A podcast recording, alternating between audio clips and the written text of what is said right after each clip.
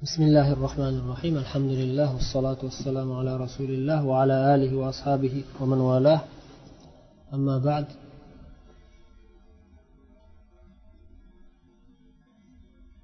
رياض الصالحين kitobidan o'tayotgan darsimizni davom ettiramiz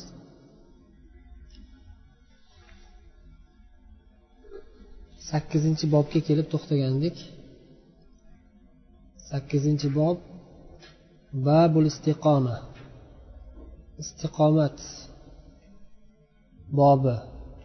Ya'ni allohni dinida allohning shariatiga mustahkam amal qilib qoyim bo'lish bobi. Istiqomat bobi. Allohning dinida allohning shariatida mustahkam sobit qadam turish degan ma'noda. Istiqoma degan. Imom navoiyni odatlari doim har bir bob boshida ba'zi bir oyat karimalarni shu bobga e, bobga aloqador ba'zi bir oyat karimalarni zikr qilib keyin ba'zi bir e, eng asosiy hadislarni zikr qilishga o'tadilar.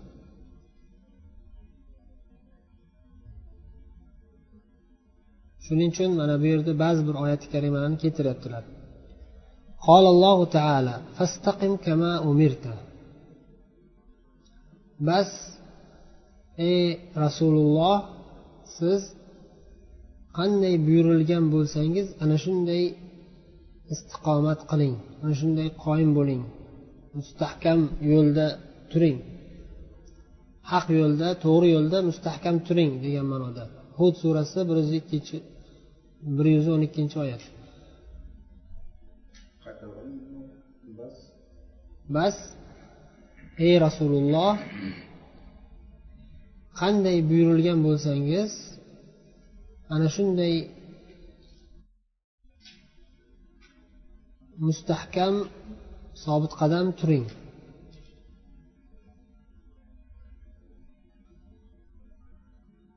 hud surasi bir yuz o'n ikkinchi oyat وقال تعالى إن الذين قالوا ربنا الله ثم استقاموا تتنزل عليهم الملائكة الآية alloh taolo bu oyatlarda fussilat surasining o'ttizinchi o'ttiz birinchi o'ttiz ikkinchi oyatlarida mo'minlarga jannatni va'da qilib aytyapti Bizning robbimiz olloh deb so'ngra istiqomat qilgan ya'ni shu haq yo'lda sobit qadam qoyim bo'lgan zotlar ana shu zotlarga maloikalar nozil bo'lishadi qiyomat kuni jannatda yani. Alla tahofu qo'rqmanglar. Vala tahzanu g'amgin bo'lmanglar. Deb aytishadi maloikalar ana shu zotlarga. Ya'ni olloh bizning robbimiz deb iymon keltirib shu iymonlarda sobit qadam turgan zotlarga. Xafa bo'lmanglar va qo'rqmanglar.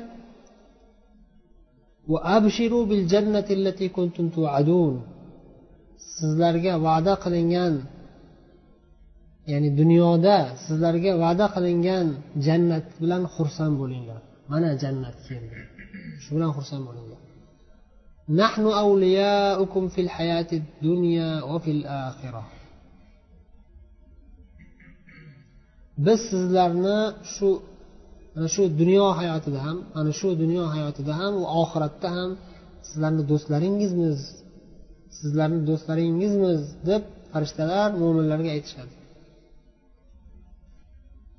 bu farishtalarni aytayotgan gaplari qiyomatda ham bo'lishi mumkin va o'layotgan payti e, mo'minlar ruhi chiqishda g'arg'ara qilish vaqtida bo'lishi ham mumkin. Chunki bu ham o'sha vaqt ham oxiratga o'tdi hisob. Inson jon taslim qilayotgan vaqti oxiratga o'tdi hisob. O'shaning uchun tavba qilaman deganlarni tavbasi o'sha payt qabul qilinmaydi. Chunki u ko'rdi oxiratda farishtalarni ko'radi azob farishtalarni. ko'rgandan keyin endi foydasi yo'q iymon keltirgan shuning uchun qabul qilinmaydi malaikalar mo'minlarga yana bashorat berishda davom etib aytishyaptiki alloh xabar berganidek ولكم فيها ما تشتهي أنفسكم ولكم فيها ما تدعون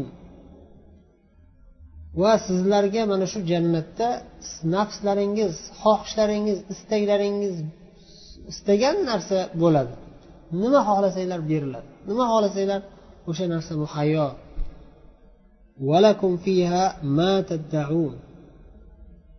ya'ni sizlar nima davo qilsalaringiz nima talab qilsalaringiz ya'ni nima talab qilsalaringiz beriladi. Bal ya'ni undan ham ustun qilib siz hayolingizga kelmagan narsalarni ham qo'shib beriladi jannatda inshaalloh shulardan bo'laylik deb inshaalloh deymizda. Lekin buna bu va'dalar mo'minlarga shunday bo'lishligida inshaalloh deb aytilmaydi. U muhaqqaq alloh taolo xabar bergan hech qanday zarracha shak shubha bo'lmaydigan haqiqat.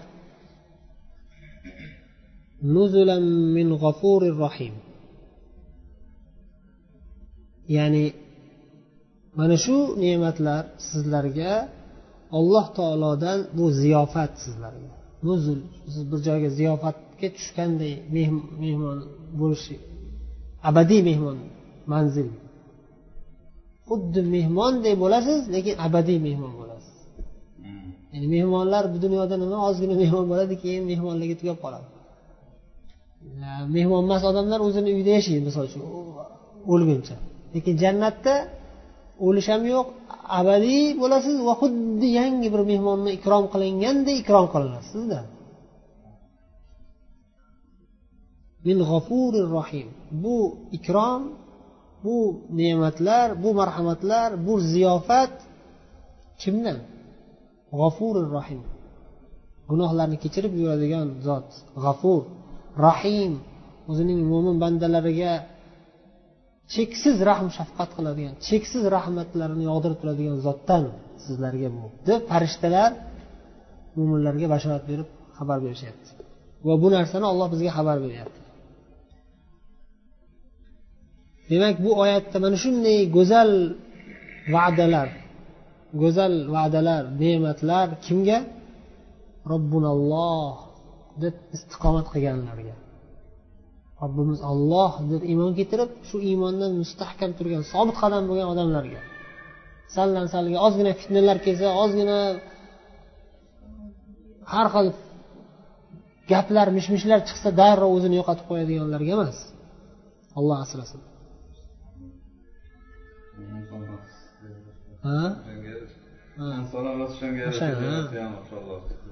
Shunday. Sobit qadamlik iymonda sobit qadam turib yashashlik o'ziga yarasha mashaqqati bo'ladi boshida mustaqim to'g'ri yo'l degani. Istiqomat shu to'g'ri yo'lda istiqomat sobit qadam turish degani. Boshida qiyin bo'ladi ozgina. Lekin keyin o'sha qiyinchiliklar mashaqqatlar lazzatga aylanadi. O'sha qiyinchiliklar mashaqqatlar lazzatga aylanadi o'sha narsasiz yasholmaydigan bo'lib qoladi odam. Bitta oddiy misol masalan mashq qiladiganlar boru masalan og'ir toshlarni ko'tarib e, karatelar o'rganib boshida qiynaladi. To pishiguncha pishigandan keyin karate bo'lgandan keyin tashlab yubormaydi bo'ldi o'rganib qoldi bu kichkina bir tashbih ya'ni o'zi aslida tashbih bo'lmaydigan darajada bu. Salaf solihlarni hayotlarini o'qisak ya'ni masalan ba'zilar aytishgan yigirma yil o'zimni qiyomillaylga kechasi tahajjud o'qishga yigirma yil o'zimni nafsimni qiynab o'rgatdim. Yigirma yilgacha shu nafsim ko'rpachaga tortaveradi uyquga tortaveradi lekin man uni qiynab shu tahajjudga o'rgataveraman o'rgataveraman dedilar. Yigirma yilgacha. Keyin qirq yil mazza qilib ibodat qildim ya'ni shu borib borib shunday hatto nafslari havoyi nafslari ham shu qiyomillelga moslashib ketdiki o'shasiz yasholmaydigan bo'lib qoldi. Qirq yil maza qilib ibodat qildim umuman kechasi ozgina uxlayman shu bilan darrov tahajjudga turib ketadigan bo'lib qoldim o'zim yotolmaydigan bo'lib qoldim tahajjudsiz shuning uchun boshida mashaqqat bo'ladi albatta. Keyin sabr qilish kerak sobit qadam turishga harakat qilaverish kerak qilaverish kerak.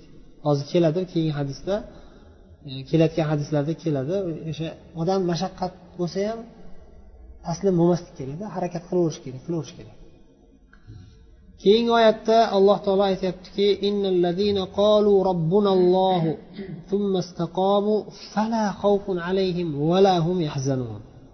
أولئك أصحاب الجنة خالدين فيها جزاء بما كانوا يعملون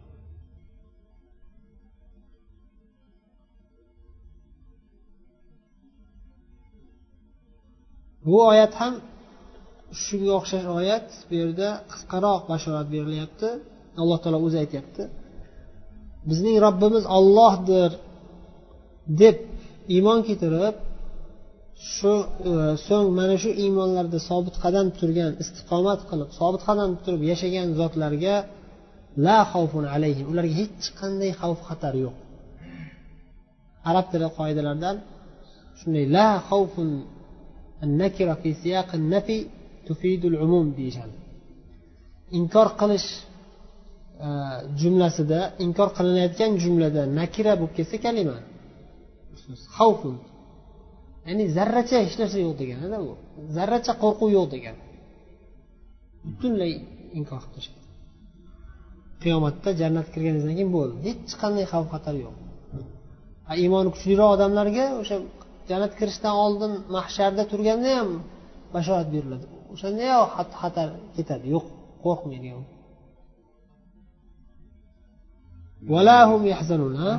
dunyoda yo'qotilgan narsa topiladi deyapti hozir xavf xatar. Xavf xavfu xatar kelasi narsadan qo'rqish degani bir narsadan qo'rqib tursangiz o'sha xavf xatarda. Hazanchi huzn boshingizga tushib bo'lgan narsadan xafa bo'lib siqilib musibatda yashash. Shunga alloh taolo aytadiki kelajakda bir xavf bir narsa bo'lib qolarmikin? Shu ne'matlar yo'qolib qolarmikin? deb qo'rqishi yo'q. Ular xafa ham bo'lmaydilar siqilmaydilar ham ya'ni boshlarida hech qanday musibat ham yo'q. O'tgan narsaga hech qanday achinish ham yo'q. Hamma narsa olib tashlanadi jannatda. Ya'ni xavfu xatarlar butunlay yo'qoladi va g'am tashvishlar o'tgan narsalarga achinishlar siqilishlar xafa umuman hech narsa qolmaydi hamma narsa yo'qotib tashladi xotirjam yashaydi النكرة في سياق النفي تفيد العموم النكرة في نحوي قاعدة النكرة في سياق النفي تفيد العموم degani nafiy inkor qilish asnosida nakira bo'lib kelgan kalima nakira ma'rifa nakira degan narsalar keladi. Sarf nahu ilmida o'tiladi. Qoidalarida xavfi xatar yo'q desa yo'q degani nafiy degani xavfi xatar u nakira bo'lib kelyapti ya'ni hech qanaqa xavf xatar yo'q degani zarracha xavf xatar yo'q degan. Ulayka ashabul jannati xolidina fiha ana shu zotlar jannat ashoblari jannat egalaridirlar. Shu robbinalloh bizning robbimiz olloh deb shu iymonda sobit qadam turib yashagan zotlar jannat ashoblari jannat egalari xolidina fiya ular ana shu jannatda doimiy abadiy qolib ketadilar abadiy yashaydilar. Bu bu mukofot ularga mukofotdir. Dunyoda amal qilgan qilgan dunyoda bajargan amallariga mukofot qilib beriladigan ne'mat bu ne'matlar deb alloh taolo aytdi. Hadislarni o'qishga kirishamiz. Xavf keldi nakira bo'lyapti hali xavf nakira yo'q yo'q xavfun degani o'zi umum xavfun umum ma'nosida hech qanday xavf yo'q degani toyib bu yerda bitta narsa esdan chiqibdi. Alloh taolo payg'ambarga aytyapti fastaqim deb birinchi o'qigan oyatimizda. Istiqomat qilib turgin deb. Payg'ambarga xos buyruqmi bu? Payg'ambarga aytilgan buyruq ummatlarga ham aytilgan buyruq bo'ladi payg'ambarga olloh buyursa demak ummatlarga ham o'sha narsa buyruq bo'ladi. Magar agar dalillar boshqa dalillarda oyatda hadisda bu narsa payg'ambarga xos buyruq degan dalil bo'lsa u o'ziga xos bo'ladi. Pa- payg'ambarga xos bo'ladi. Masalan qiyomul laylni ulamolar payg'ambarga vojib deyishgan farz deyishgan. Alloh taolo payg'ambarga aytgan buyrug'ga A, undan ko'ra ochiqroq dalil masalan alloh taolo aytadi alam nashrah laka sadrak va vada'na anka wizrak alladhi anqada dhahrak. Alam nashrah surasi. Sizga qalb qalbingizni ochib qo'ymadikmi? Sizni gunohlaringizni kechirib yubormadikmi? Bu gunohlar sizni belingizni e, sindiradigan darajada edi. Shu narsalarni hamma gunohlarni kechirib yubormadikmi? deb payg'ambarga aytgan payg'ambar gunohlari kechirib yuborilgan. Payg'ambar hech qachon adashmaydigan qalblari doim hidoyatda bo'lgan zot. Hech qanday fitna duchor bo'lmaydigan zot. Payg'ambarga xos xitoblardan bu yani. Yana masalan وامرأة مؤمنة إن وهبت نفسها ya'ni biror bir ayol kelib turib o'zini man sizga sovg'a qildim ey rasululloh desa ha bo'pti man qabul qildim desalar payg'ambarimizga xotin bo'lib ketaveradi payg'ambarga xos bizga bironta bir ayol kelib turib man sizga o'zimni sovg'a qildim desa ha bo'pti qabul qildim desa u nikoh bo'lib qolmaydi u uni xo'jayini bo'lishi kerak e, valisi bo'lishi kerak otasi bo'lishi kerak akasi bo'lishi kerak e, guvoh bo'lishi kerak Payg'ambarga xos hukmlar ko'p ya'ni hasoisun nabiy degan payg'ambarni xususiyatlari degan kitoblar bor ulamolar yozishgan. Qancha kitoblar bor? Ba'zilarida ixtilof bor ba'zilar muttafaqun alayh. Ijmo bo'lgan. Butun islom ulamolari ittifoq qilishgan. Hech kim ixtilof qilishi mumkin emas. Ixtilof qilsa u adashgan bo'ladi. Balki kofir bo'lib ketishi ham mumkin. Masalan shulardan bittasi yana payg'ambardan boshqa hech kim to'rtta xotindan ortiq xotin olishi mumkin emas. Payg'ambarga ruxsat. Cheksiz bo'lgan payg'ambarga. Erkaklarga to'rtta xotin bilan cheklanilgan. Ikkita qilishi gap o'ylaylik oldin ikkita qilish to'rttagina bu kam. O'zi yo ba'zi bir ba'zi bir diyorlarda hozir islomdan odamlar uzoqlashib ketganligi tufayli masalan endi zino mayli hamma biladi. Haromligini ham biladi. O'zi ham biladi. Ha o'zi ham qilaver haromligini bilib turib qilishaveradi. Lekin misol uchun ba'zi bir diyorlarda man eshitdim masalan afrikalarda afrika ba'zi davlatlarida va shiyalarda shiyalarda eronda cheksiz xotin olish mumkin deb davo qilgan adashgan toifalar. Va ba'zi bir xalqlar musulmonmiz deydi lekin xotin olish cheksiz deb turib olaverar ekan bu afrikada kimida bir yuztacha xotini bor ekan. Haligi qabul e, topshirdim degan to'g'risida yaqinda so'rashgan edik bolalar u kim? Bir boshqa uydagilar nima? Johil chiqib ketganmi nima qilgan? O'zi tegmoqchi ha valisi kerak deb aytdi valisi misol uchun johil kofir misol uchun nima qilsin u misol uchun rozi bo'lmaydi. Kelgin deydi man aytayotgan o'zingga o'xshagan uylantirmaydi o'z o'zlarini boshqa eng kirgan boshqa u nima qiladi u hadisda aytib qo'yganlar as sultonu valiyu man la valiya lah. Valisi yo'q muslima ayollarga sulton musulmonlarni rahbari. Sulton sulton o'zi to'rtta to'rttadan ko'p olishi mumkin emas yo o'zi birov mumkin emas birovni misol uchun birov sovchi qo'ygandan keyin misol uchun bir kishi sulton ham aralashib men olib qo'yaman deb olishga haqqi yo'q hozir sulton yo'q edi sultongacha sulton o'sha endi bu ikkinchi masala. Sulton sulton deganda o'sha sulton tomonidan saylangan musulmon qozilar qoziyot hisoblanadi. Endi qoziyot yo'q bo'lsa nima qilinadi degan masalada hozirgi ulamolar bu hozirgi musibatda bu islom tarixida bir ming to'rt yuz yil davomida aksariyat islom diyorlarida hammasini hammasida deyolmaymizu aksariyat islom diyorlarida musulmon qozi musulmon davlat musulmon qozi endi o'sha davlat endi zolim bo'lsa ham boshqa bo'lsa ham lekin musulmon jamiyat bo'lgan musulmon jamiyatdagi ayollarga o'sha boshqarib turadigan o'sha qozilar bo'lgan nafaqat ayollar masalasini umuman islomiy jamiyatdagi kelishmovchiliklaru muammolarni hal qilib turadigan qozilar bo'lganda hozirgi bizni diyorimizga kelib teskari bo'lib qoldi. Aksariyat diyorlarda aksariyat diyor musulmon deb yashaydigan odamlar qozi topolmaydi ishonchli qozi topolmaydi qozilar ko'p pul bilan ish bitirib nima qilamiz bunday holatda desa ulamolar aytishganki o'sha mintaqadagi e'tiborli ulamolar qozilarni o'rnini bajarishadi. Qozilarni ishini bajarishlari kerak. Va masalan islomiy sentr islomiy markazlar bajarishi kerak shu ishlarni. O'shalar haqli shu narsaga. O'shalar hal qilsa joiz deyishadi. Masalan bir muslima ayol ota onasi kofir yoki aroqxo'r yoki fosiq fojir valiylikka arzimaydi otasiyu akasiyu nima qilsin mazluma ayol. Desa imomga murojaat qilsin musulmonlarni o'sha yerdagi imomiga ya'ni masjid imomi yoki islomiy markaz islomiy jamiyat islomiy tashkilotni rahbariga murojaat qilsin ular o'zi o'sha yerdagi ahli ilmlar bilan maslahatlashib hal qilsin deyishadi hozirgi holat. Bu eng asosiy muammolardan bittasi hozir uchrayotgan masalan eri qamalib ketadi qamoqda o'ligi chiqadimi?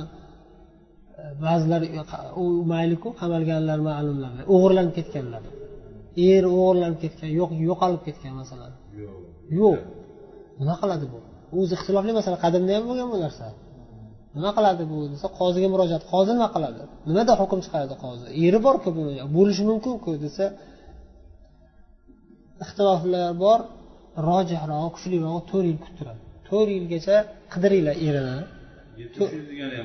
Bor bor bitta inson umrida olishgan bitta inson qancha yashasa o'sha to'g'rirog'i rojihrog'i to'rt yil kutiladi to'rt yil qidiriladi. Faqat kutiladi ya'ni qidiriladi.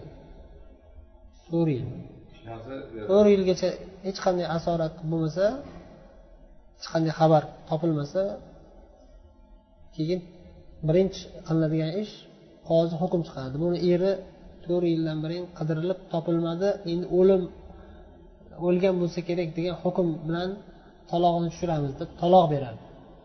Qozi taloq beradi taloq bergandan keyin to'rt oyi o'n kun o'tiradi. Keyin boshlanadi. Uyog'idan keyin qozi shart emas uyog'iga mabodo keyin kelib qolsachi keyin? Kelib qolsa qoziga murojaat qilinadi. U odam o'zi qoziga murojaat qiladi agar haqqi bo'lsa. Haqqim bor desa talashadigan bo'lsa qoziga borib keladi qozi holatga qaraydi bu narsalarga qandaydir e, ishora qiladigan voqealar bo'lgan tarixda masalan payg'ambarimiz sollallohu alayhi vasallam davrlarida bir ayol bo'ladi sho'ri barira degan sahobiy ayol. Ismi barirami barira. Shu barirani hayotlari juda ibratli ayol bo'lgan cho'r bo'lgan. Juda ko'p ibratli voqealar bo'lgan barira roziyallohu anhu hayotlarida sho'ri bo'lganlar. Keyin u xo'jayinlari o'zingni sotib olib ozod qilaman desang biz ruxsat beramiz deganda oysha onamizga keladilar barira. Kelib shunaqa erim e, e, xo'jayinim ruxsat berdilar o'zimni ozod qilishga faloncha dinorga yoki faloncha xurmoga. Desa besh qop xurmogami shunaqa rivoyatda hozir tafsiloti esimdan chiqib turibdi ba'zi joylar unda oysha onamiz aytadilarki borib aytgin xo'jayiningga men sotib olamanda seni ozod qilaman. Birdaniga desa keyin borib aytsa bo'pti faqat vala ukilana deyish valo do'stligi. Ya'ni bir qul ozod qilingandan keyin o'sha ozod qilgan odam unga vali mavlo bo'ladi mavlosi bo'ladi. Mavlo degani ustoz degandek. Ustoz degandek hurmati e, xo'ja ya'ni hurmatli inson vafodorlik buyukka buyuradi shariat. Ya'ni siz ozod bo'lib ketdim bo'ldi endi zalladan qutuldim deb yo'qolib ketmang. O'zizga eng yaqin ustozni hurmat qilib birga yashang. Birga yashash shart emas ya'ni o'sha hurmat qilib yuring siz mavloyingiz deyiladi. Shu hukm bor. Shu unga binoan san ozod qilib bo'lib ketasanu lekin mavlo bizga mavlo bo'lib qolasan san seni mavloying biz bo'lamiz. Deyishadi shart qo'yishadi. Keyin e, oysha onamiz payg'ambarimiz sollallohu alayhi vasallamga aytadilar shunaqa deyishibdi desa bu shart botil dedi. Kim ozod qilsa o'sha mavlo bo'ladi deyiladi. Keyin oysha onamiz ozod qilib u bariraga mavlo bo'ladi oysha onamiz. Shuning uchun barira doim oysha onamiz bilan yashaydigan bo'ladilar u cho'rilik paytida u xo'jayinlari bitta qora tanli boshqa bir qul bo'ladi o'shanga uylantirib qo'yishgan bo'ladi barirani ozod bo'lgan kunlari payg'ambarimiz barirani chaqirib aytadilarki sen hozir ozodsan ering qul. Xohlasang birga yashashing mumkin. Xohlasang u ham ozod bo'ladi u ham ozod bo'ladi. Ozod bo'lgandan keyin ixtiyor beriladi. Xohlasang birga yashaysan xohlasang ajrab ketasan. Endi yashasa ajrab ketadi. Nikoh bo'ladi. Nikoh tabiiy. U qulligida nikoh bo'lmaydimi? Nikoh- bu ham qul bu ham cho'ri bo'lsa. Nega nikoh bo'lmaydi? Nikoh bo'ladi lekin e, u o'sha xo'jayini bu ayolni cho'rlik qilishi o'sha tomonidan haqqi haqqini soqit qilgan bo'ladi. Ya'ni mumkin emas bo'ldi. Siz birov cho'ringizni bitta qulingizga uylantirib turmushga chiqarib qo'ysangiz bo'ldi u cho'riga yaqinlashishingiz mumkin emas sizga harom. O'zizni haqqingizdan kechgan bo'lasiz. Harom bo'ladi sizga bo'ldi. To uni taloq bermaguncha taloq berishga haqqingiz bor. E, bo'ldi san talog'ingni tushirdim ajraldi bir oy kutasiz. Uch oy emas bir oy kutasiz. Bir oy poklatib hayz ko'rgandan keyin keyin yana boshlayverasiz lekin bitta hozir ikkalasi ozod bo'ldi. Tushundingizmi? Barira ham ozod bo'ldi uni eri ham ozod bo'ldi. Shunda payg'ambar aytdilarki hozir seni ixtiyoring bor. Xohlasang birga yashab ketaman deb yashab ketaverasan. Xohlasang yo'q bo'ldi man yashamayman desa ajrab ketishga haqqing bor sani sen yashamayman deydi ajrab ketadi. Desa uni eri rosa yaxshi ko'radigan bo'ladi. Barirani orqasidan yalinib yuradi.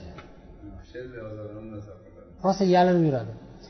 Oxiri payg'ambarimiz rahmlari kelib ketadi. Kelib aytadilar ey barira qarasam qanchalik yaxshi ko'rib haligi qilib qiynalyapti birga yashasangchi desalar ey rasululloh buyruqmi buyruq bo'lsa itoat qilaman sizni buyrug'ingizga. Yashayman. Yoki bu faqat shafoatmi deydi. Yo faqat shafoat itoat qilishing shart emas deydi. Bo'lmasa yashayman ey rasululloh. Oysha onam oysha onamiz xizmatlarida bo'lib yashayman. Oysha onamiz bilan birga yashayman hadisni o'qib qo'yaylik. وعن أبي عمرو وقيل أبي عمرة سفيان بن عبد الله رضي الله عنه قال قلت يا رسول الله قل لي في الإسلام قولا لا أسأل عنه أحدا غيرك abu amra degan yoki abu amr degan kunyalari otlari sufyon ibn abdullah roziyallohu anhu sahobiy aytadilar ey rasululloh dedim rasulullohga kelib aytdimki ey rasululloh menga islom haqida shunday bir so'z aytingki buni boshqa hech kimdan sizdan boshqa hech kimdan so'rab o'tirmang. Sizdan so'raganim bilan kifoya bo'lib menga kifoyalanib hech kimdan tafsilotini hech kimdan ortiqcha ma'lumot so'rab o'tirishga muhtoj bo'lmay shu bitta shunday tushuntirib aytingki qisqacha qilib. Shunday tushunib qolayman. Degan ma'noda aytyapti manga xulosasini ayting. Islomni xulosasi nima? Menga tushuntiring deyaptida bu islom dini nima? Xulosasini ayting. Ba'zi bir sahobiylar arobiylik e, hayotda o'sishgan e, shunaqa dangallik desak to'g'ri bo'lsa kerak shu dangallikni yaxshi ko'rishgan. Shunda rasululloh sollallohu alayhi vasallam bularni hammasini yaxshi kutib olardilar hammalariga yaxshi muomala qilib yaxshi javob berardilar. Aytdilarki qul amantu billah. Allohga iymon keltirdim deb aytgin so'ngra mustahkam istiqomat sobit qadam turgin shu iymonda mana shu senga islom shu. Iymon keltirdim dedingmi? Bo'ldi. Iymon keltirding so'ngra shu iymonda sobit qadam turgin. Imom muslim rivoyatlari. Bu eng chuqur ma'noli hadislardan biri. Shuning uchun imom navoiy qirq hadisga kirgizganlar. Qirq hadis eng muhim hadislarni to'plab qirq ikkita hadis to'plaganlar imom navoiy boshqa kitoblarida. Bu riyozi solihinda ikki mingga yaqin hadis bor. Bu qirq hadis mana shularni xulosasi yani. Bu o'zi xulosa bu o'zi hadis. Riyozi solihinni o'zi o'n ming yigirma ming sahih hadislarni ichidan saralab olingan xulosa bu. Buni ham yana xulosasi qirq qirq ikki hadis kitoblari bor. Qirq hadisda mashhur bo'lgan o'sha hadis ichiga o'sha kitob ichiga kirgizilgan hadislardan biri bu. Iymon keltirdim deb iymon keltirganda so'ngra mana shu iymonda sobit qadam turgan. Iymon keltirdim deganda til bilan aytish o'zi bo'lmaydi. Munofiqlik bo'lib qoladi. To'g'rimi? Iymon keltirdim degan odam tili bilan iymon keltirib qalbi iymon keltirmasa u munofiq bo'ladi. Iymon keltirdim degan deganlarda bu yerda ya'ni qalbing bilan va tiling bilan iymon keltirdim keyin deganlari istiqomat sobit qadam turgin degani ya'ni islom amallarida. Shu iymon taqozo qiladigan solih amallarda sobit qadam turgin. Va bilasizlar sobit qadam turish uchta narsada sobit qadam turish kerak. Uchta narsada inson bu hayoti dunyoda uchta narsada sobit qadam bo'lib turishi kerak. Birinchisi eng qiyini toat ibodatlarda sobit qadam turish. Solih amallar hammasi kirib ketadi. Toat ibodatlarda sobit qadam turib yashash mana shu eng qiyini eng zaruri. Qolganlarini yengillashtirib beradigani ham shu. Ikkinchi uchinchi e, sobit qadamlikni demak birinchisi toat ibodatlarda sobit qadam turishlik. Ikkinchisi nima? Gunoh masiyatlardan uzoq bo'lishda sobit qadam turish.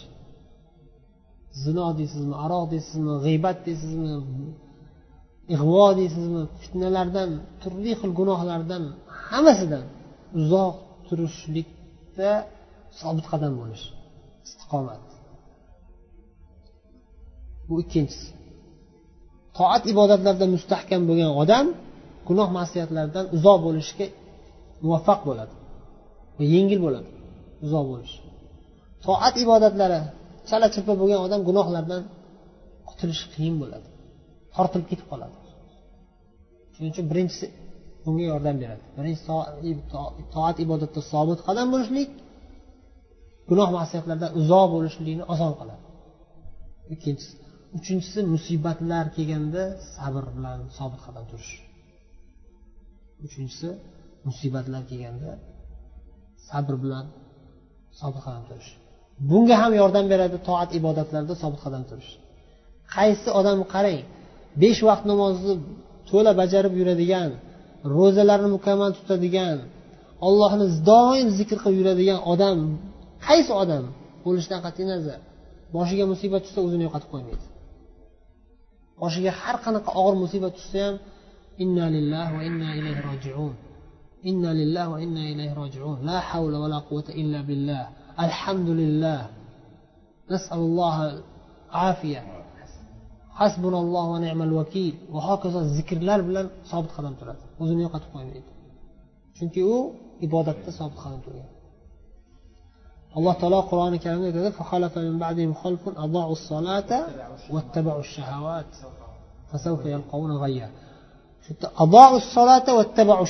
deydi. Birinchi namozni zoya qildilar. Namozni zoya qildilar. Keyin natija nima bo'ldi? Shahvatlarga ergashib ketib qoldilar. Namozni yaxshi o'qimadilar zoya qilib qo'yishdi namozni. Namozni yaxshi o'qigan bo'lganda shahvatga ergashib ketib qolmasdi.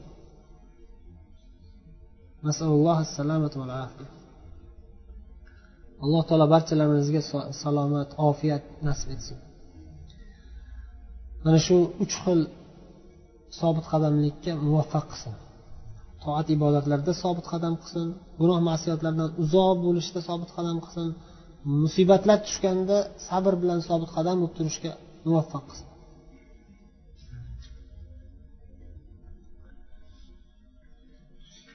Keyingi hadis sakson oltinchi hadis shu bilan shu bob tugaydi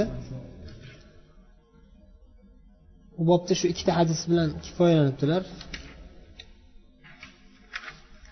Abu hurayra roziyallohu anhudan rivoyat bilasizlar abu hurayra roziyallohu anhu eng ko'p hadis rivoyat qilgan sahobiy eng hofiz sahobiy bitta hadisni shunday eshitsalar payg'ambarimiz sollallohu alayhi vasallamdan umrbod eslaridan chiqmasin.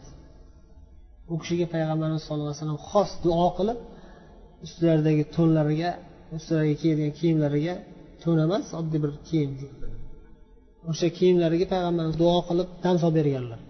Shuni kiygandan keyin deydilar abu abu hurayra payg'ambarimiz sallallohu alayhi vasallamdan eshitgan bironta hadis abadul abad esimdan chiqmagan deydi. Imtihon qilib ko'rishgan u kishini. Muoviya roziyallohu anhu adashmasam abu hurayra siz ko'p hadis rivoyat qilasiz yo abu bir birlariga aytishgan. Abu hurayra shu ko'p hadis rivoyat qiladi ya deyishganda. Ha o'sha muaviya roziyallohu anhu majlisida bo'lgandi shu shu gap. Bir imtihon qilib ko'raylik deyishganda bitta hadis rivoyat qilganlarida ketganlar keyin madinaga. Muaviya shomda bo'lganlar. Amir va keyinchalik xalifa ana shu shomda shomga ziyoratga borganlarida abu hurayra imtihon qilishadi. Bir hadis rivoyat qilganlarida shu hadisni yodlab qolinglar. Abu hurayra aytganida keyinchalik so'raymiz yana shu ma'nodagi bitta hadis. Aytib bermaysizmi deymizda qani shu hadis aytsa xato qilarmikin deb imtihon qilamiz deyishadida oradan bir yil o'tgandan keyin yana shomga bir ziyoratga kelganlarda imtihon qilishadi. Umuman xato qilmaganlar. Bitta ham xato qilmaganlar yaqinda bir o'qib qoldim. Abu hurayra roziyallohu anhu rivoyat qilgan hamma hadislarni yig'ib turib bir bohis bir olim kishi ya'ni shu bo'yicha mutaxassis boshqa sahobalar rivoyat qilgan hamma hadislarni yig'ib turib bir birisiga solishtirganda solishtirganda. Abu hurayra o'ziga o'zlari bitta o'zlari rivoyat qilgan boshqalardan umuman ajrab turadigan shu ma'nosi yo'q bir birisiga ishtirok aloqasi yo'q bo'lgan hadislar faqat qirqta ekan. Qolganlari bir birisiga ma'nosi to'g'ri kelar ekan. Iboralari boshqa boshqa lekin ma'nosi bir joyga olib boradi. besh yarim mingtacha hadis rivoyat qilganlar besh ming to'rt yuz qanchada hadis rivoyat qilganlar shu besh mingdan ko'p hadislarini ichidan qirqtasi o'zlariga xos qolgan hadislar ma'nosi boshqa sahobalardan ham kelgan. Chunki rasululloh sollallohu alayhi vasallam faqat abu hurayraga aytmasdilarda. Majlisda ko'pchilik o'tirardi lekin eng hofizlar abu hurayra bo'lardilar. Hamma sahobiylar eshitgan hadisni eshitganlar bular. Lekin qolgan sahobiylar bir majlisda qatnashishgan boshqa majlisda qatnashishmagan yoki qatnashgan bo'lsa ham eslaridan chiqib qolgan eslaridan chiqib qolsa sahobiylar yolg'on gapirishmasdi. Bo'ldi. Man hadis aytmayman deb ma'nosi eslarida bo'lsa ham lekin xato qilib qo'ymang deb turib gapirishmasdi harfma harf so'zma so'z aytishardi bu hadis shu abu hurayra rivoyat qilgan hadis rasululloh sollallohu alayhi vasallam aytadilarki qoribu va saddidu واعلموا أنه لن ينجو أحد منكم بعمله قالوا ولا أنت يا رسول الله قال صلى الله عليه وسلم ولا أنا إلا أن يتغمدني الله برحمة منه وفضل qoribu deganlari e, al qasdulladi la g'uluv fihi va la taqsir deb sharhlayaptilar. Qoribu o'zi aslida yaqinlashinglar degani yaqinlashinglar deganda maqsad bu yerda. Dinda chuqur ketib qolmaslik va beparvolik qilmaslik. O'zi mo'min kishi shu ikkita narsani o'rtasida ehtiyot bo'lib yuradi ba'zi bir musulmonlar dinda chuqur ketib qoladi. Dinda chuqur ketib qolishi oqibatida dindan chiqib ketib qoladi. Hatto shu darajagacha borishi mumkin ya'ni hammasi ham emas. Lekin shu narsa shu yo'l. Dinda chuqur ketib qolishlik ham dindan olib chiqib ketadigan yo'l. Shuni bilish kerak. U dinda mukammal bo'lishlik olib bormaydi u. Shuni bilish kerak. Dinga chuqur ketib qolmaslik va dinga yengil qarashmi beparvo. Yo'q uni aytyapmiz qoribuni sharhlayapmiz hozir. Dinda chuqur ketishni ba'zilar dinga mukammal amal qilish deb o'ylaydi. Bu xato.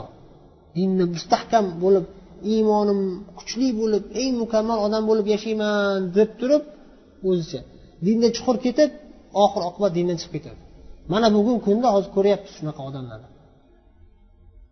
Shu darajagacha boryaptiki o'zidan boshqalarni kofirga chiqarib tashlayapti kallasini olib tashlayapti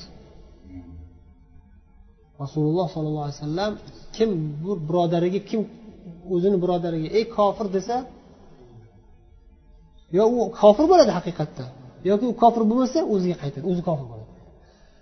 Bular hech qanday hujjatsiz kofir deb tashlayapti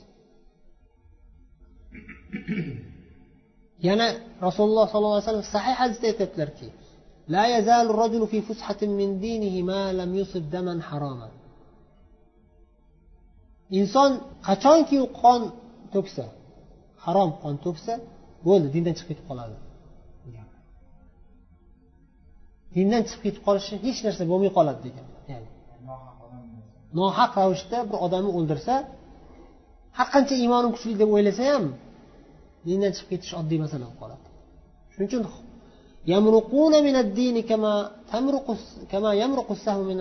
dedilar. Shunday odamlar keladi hali xavorijlar sifatida dindan shu darajada dinga qattiq tezlik bilan dinga kirib ketib turib u yoqdan chiqib ketib qoladilarki xuddi bir ovga siz o'q otganingizda haligi o'q haligini teshib o'tib ketib qolganday deganlar. Teshib ketib o'tib qolganday dindan tez chiqib ketib qoladi bular deganlar keyin aytganlarki o'sha hadis davomida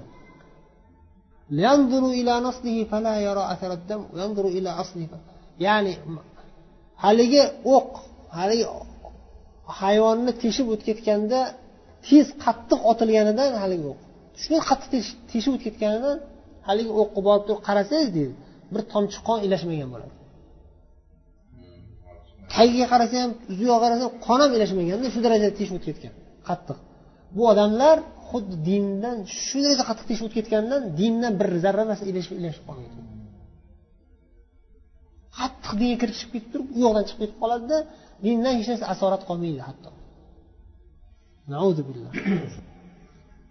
Dinda chuqur ketishlikni ba'zilar shunaqa deb o'ylaydiki o'sha dinda mustahkam bo'laman deb o'ylaydi. Aslida bu xatarli narsa. Dinda chuqur ketmaslik kerak. Lekin chuqur ketmaslik kerak degani ekan hozir endi mana ikkinchi taraf. Beparvo bo'lish kerak degani ham emas.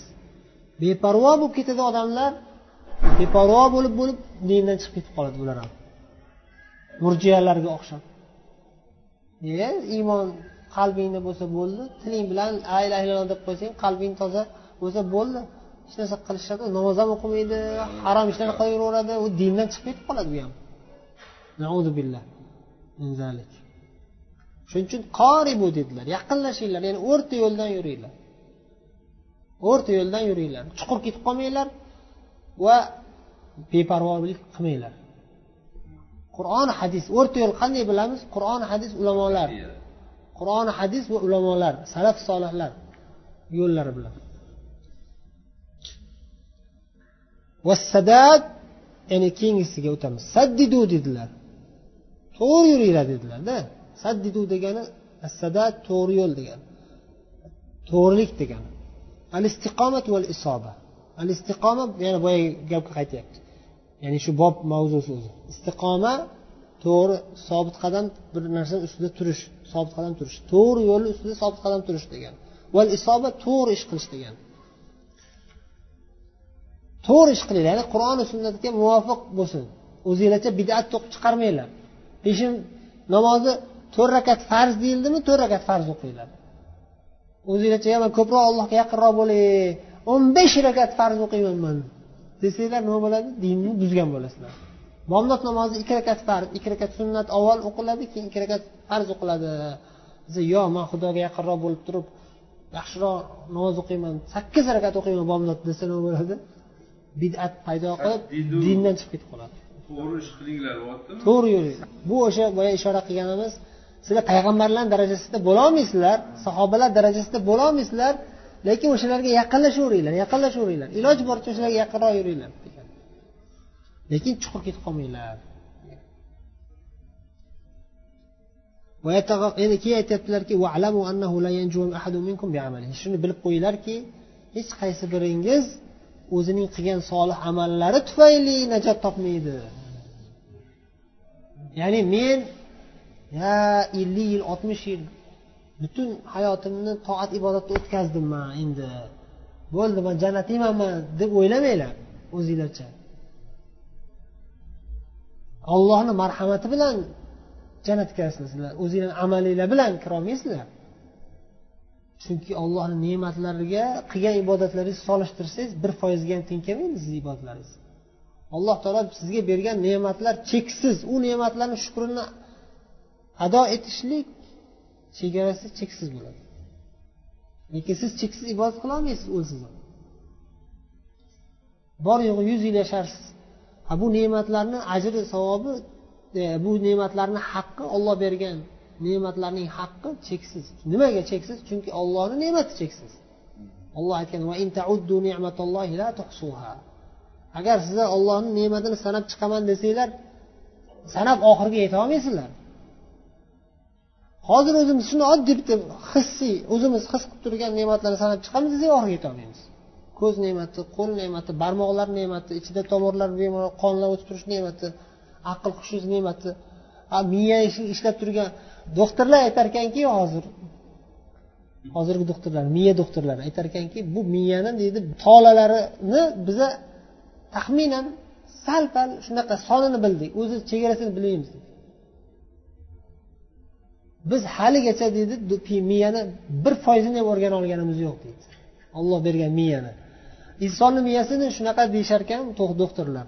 Xuddiki mana shu ikkita miya ikki qismga bo'lingan miya butun bir katta shahar deb hisoblasak inson o'rgangan narsalari esa shu miyadan siz misol uchun kompyuterga bir narsa o'n gigabaytli kompyuter bo'lsa unga qanchadir ma'lumot yodlatasizu yana qanchasidir joy qoldi deysiz mana. Besh gigabayt yodlatdim besh gigabayt joy qoldi deysiz. Siz miyada yodlagan har qancha olim bo'lib eng katta olim bo'lib yetishsangiz eng katta olim bo'lib yetishsangiz miyangizni to'ldirib ilm bilan ma'lumotlar bilan tahlil eng kuchli bu eng kuchli bo'lib keting. Shunda nima bo'lar ekan desa shu katta bir shahar bo'lsa shu miya. Shu ikkita imoratni to'ldirgan bo'lasiz xolos. Ikkita binoni ya'ni. To'ldirgan bo'lasiz xolos eng kuchli bo'lgan taqdiringizda. Qolganlari bo'sh turibdi joy ko'p hali kompyuter nima? Insonni miyasini man bir kun o'qib qoldim. Bitta insonni miyasini biza deydi o'sha mutaxassis aytadi insonni miyasini biz to'la o'rganishimiz uchun yer sharidek apparat kerak bizga deydi yer sharidek apparat kerak insonni miyasini to'g'ri o'rganishimiz uchun aytmoqchi biz mavzuga qaytamiz. Ya'ni allohni ne'matlarini cheksizligi bu. Ya'ni oxiriga yetolmaymiz deydi shuning uchun aytyaptilarki hech qaysi biringiz amalingiz bilan kirolmaysiz jannatga deyaptilarda. Siz ham ey rasululloh deyishdi. Siz ham kirolmaysizmi jannatga ey rasululloh o'zingiz shuncha amal qilyapsiz. Rasululloh amallarini bilasizlar. Rasulullohni ibodatlarini sahobalar ko'rib ey rasululloh oysha onamiz aytadilar kechalari oyoqlari shishib ketardi. Tahajjudda bir kechada olti pora yetti pora indamasdan o'qirdilar. Tahajjud. Ibn abbosdan ham rivoyat qilingan bu. Va oyshadan ham rivoyat qilingan bir rakatni o'zida baqara oli imron niso surasini o'qirdilar. U besh pora degani olti pora bir rakatni o'zida. Kechalari turib yig'lab ibodat qilardilar.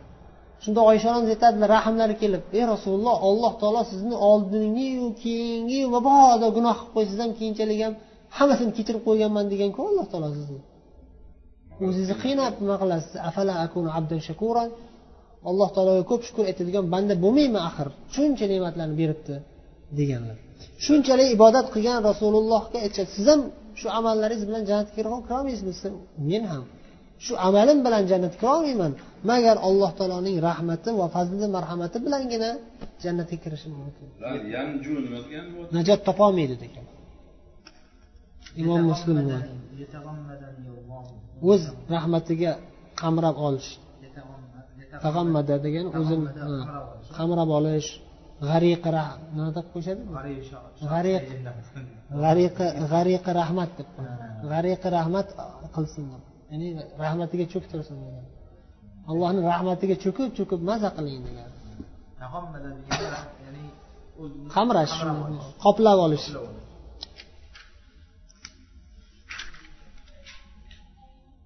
Endi bu ba'zilar tushunishi qiyin bo'lishi mumkin. Bitta nuqtani aytish masalan qur'onda alloh taolo aytyaptiki man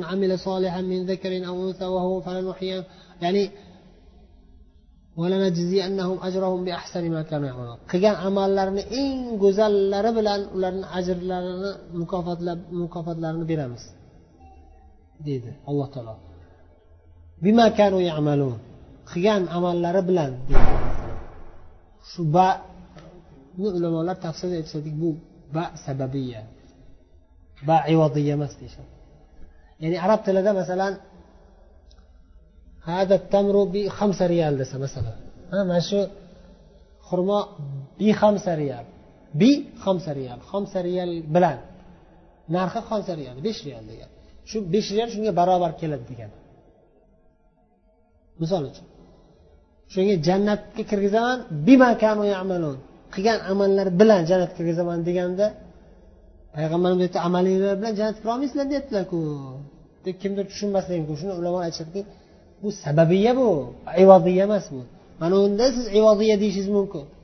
Mana bu besh realga bu evoz evaziga. bu sizga evaz emas bu jannat qilgan lekin bu sabab ya'ni. Shu jannatga kirish uchun bir sabab kerak.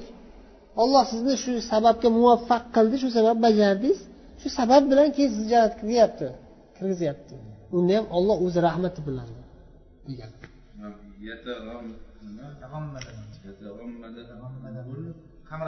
qamrab e, qoplab degan. Demak bu hadisdan olinadigan foydalar juda ko'p. Shulardan ba'zilarini aytsak qisqa qisqa qilib inson o'zining amali bilan mag'rurlanib qolmasligi kerak. Har qancha yaxshi amal qilsa ham zo'r amal qilsa ham ko'p amal qilsa ham butun dunyoni qo'lida hidoyat topdi desak ham mag'rurlanmaslik kerak. Olloh qabul qildimi yo'qmi birinchidan? Xolis qiloldingizmi yo'qmi? Xolis qilgan bo'lgan taqdiringizda ham sobit qadam turoldingizmi shu xolis niyatda oxirigacha yoki o deb mag'rurlanib qolyapti. Mag'rurlandi ketib qoldi odam. U amal botil bo'lib ketib habata bo'lib ketib qoladi xudo saqlasin.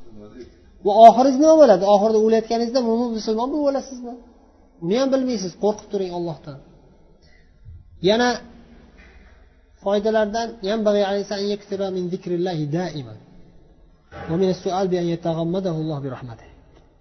inson inson doim ollohni zikr qilib yurishi kerak.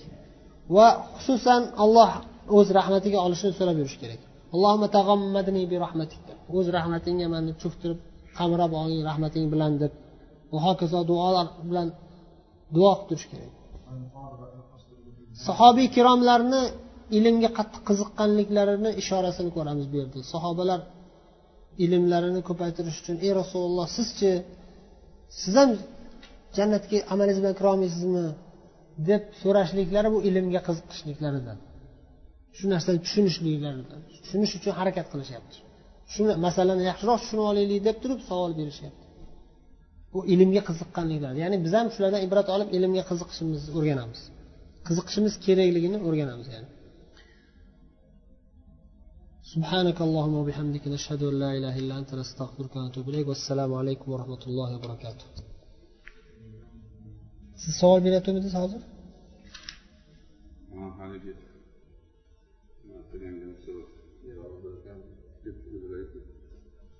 qolishini namoz o'qiyotgan ekan chiroyli namoz o'qiyapti nimasini qiroatini chiroyli qilyapti desa ro'za tutganman degan ekan yo bu buku mayli bu bu narsa endi e, bilmasdan johil odam deb qo'yaverasiz bilmasdan gapirgan johil deb qo'yaverasiz lekin xatarlisi o'zimiz ko'pincha yo'l qo'yadigan narsalarda misol uchun bir kishiga bir yaxshilik qilib qo'ysak misol uchun keyin o'sha odam sal bizga e'tiborsiz qarab e'tibor bermasa bizni qo'limizda o'zi o'zi bu odamga man yaxshilik qilgandim qarzga borayotganda man qarzini berib to'lab qo'ygandim keyin noshukur e, noshukur bandaligini qarang orqamdan gapirib yuribdi ekan deydi misol uchun. Mayli orqangizdan gapirgan taqdirda ham siz qilgan ishingizni aytmang aytdingiz ketdi degani xatarli narsada bu. Ko'pincha hammamiz shu narsaga tushib qolamiz. Bilib bilmasdan shunaqa. Shuning uchun salaf solihlar qilgan yaxshiliklarini umuman eslardan chiqartirib yuborishardi butunlay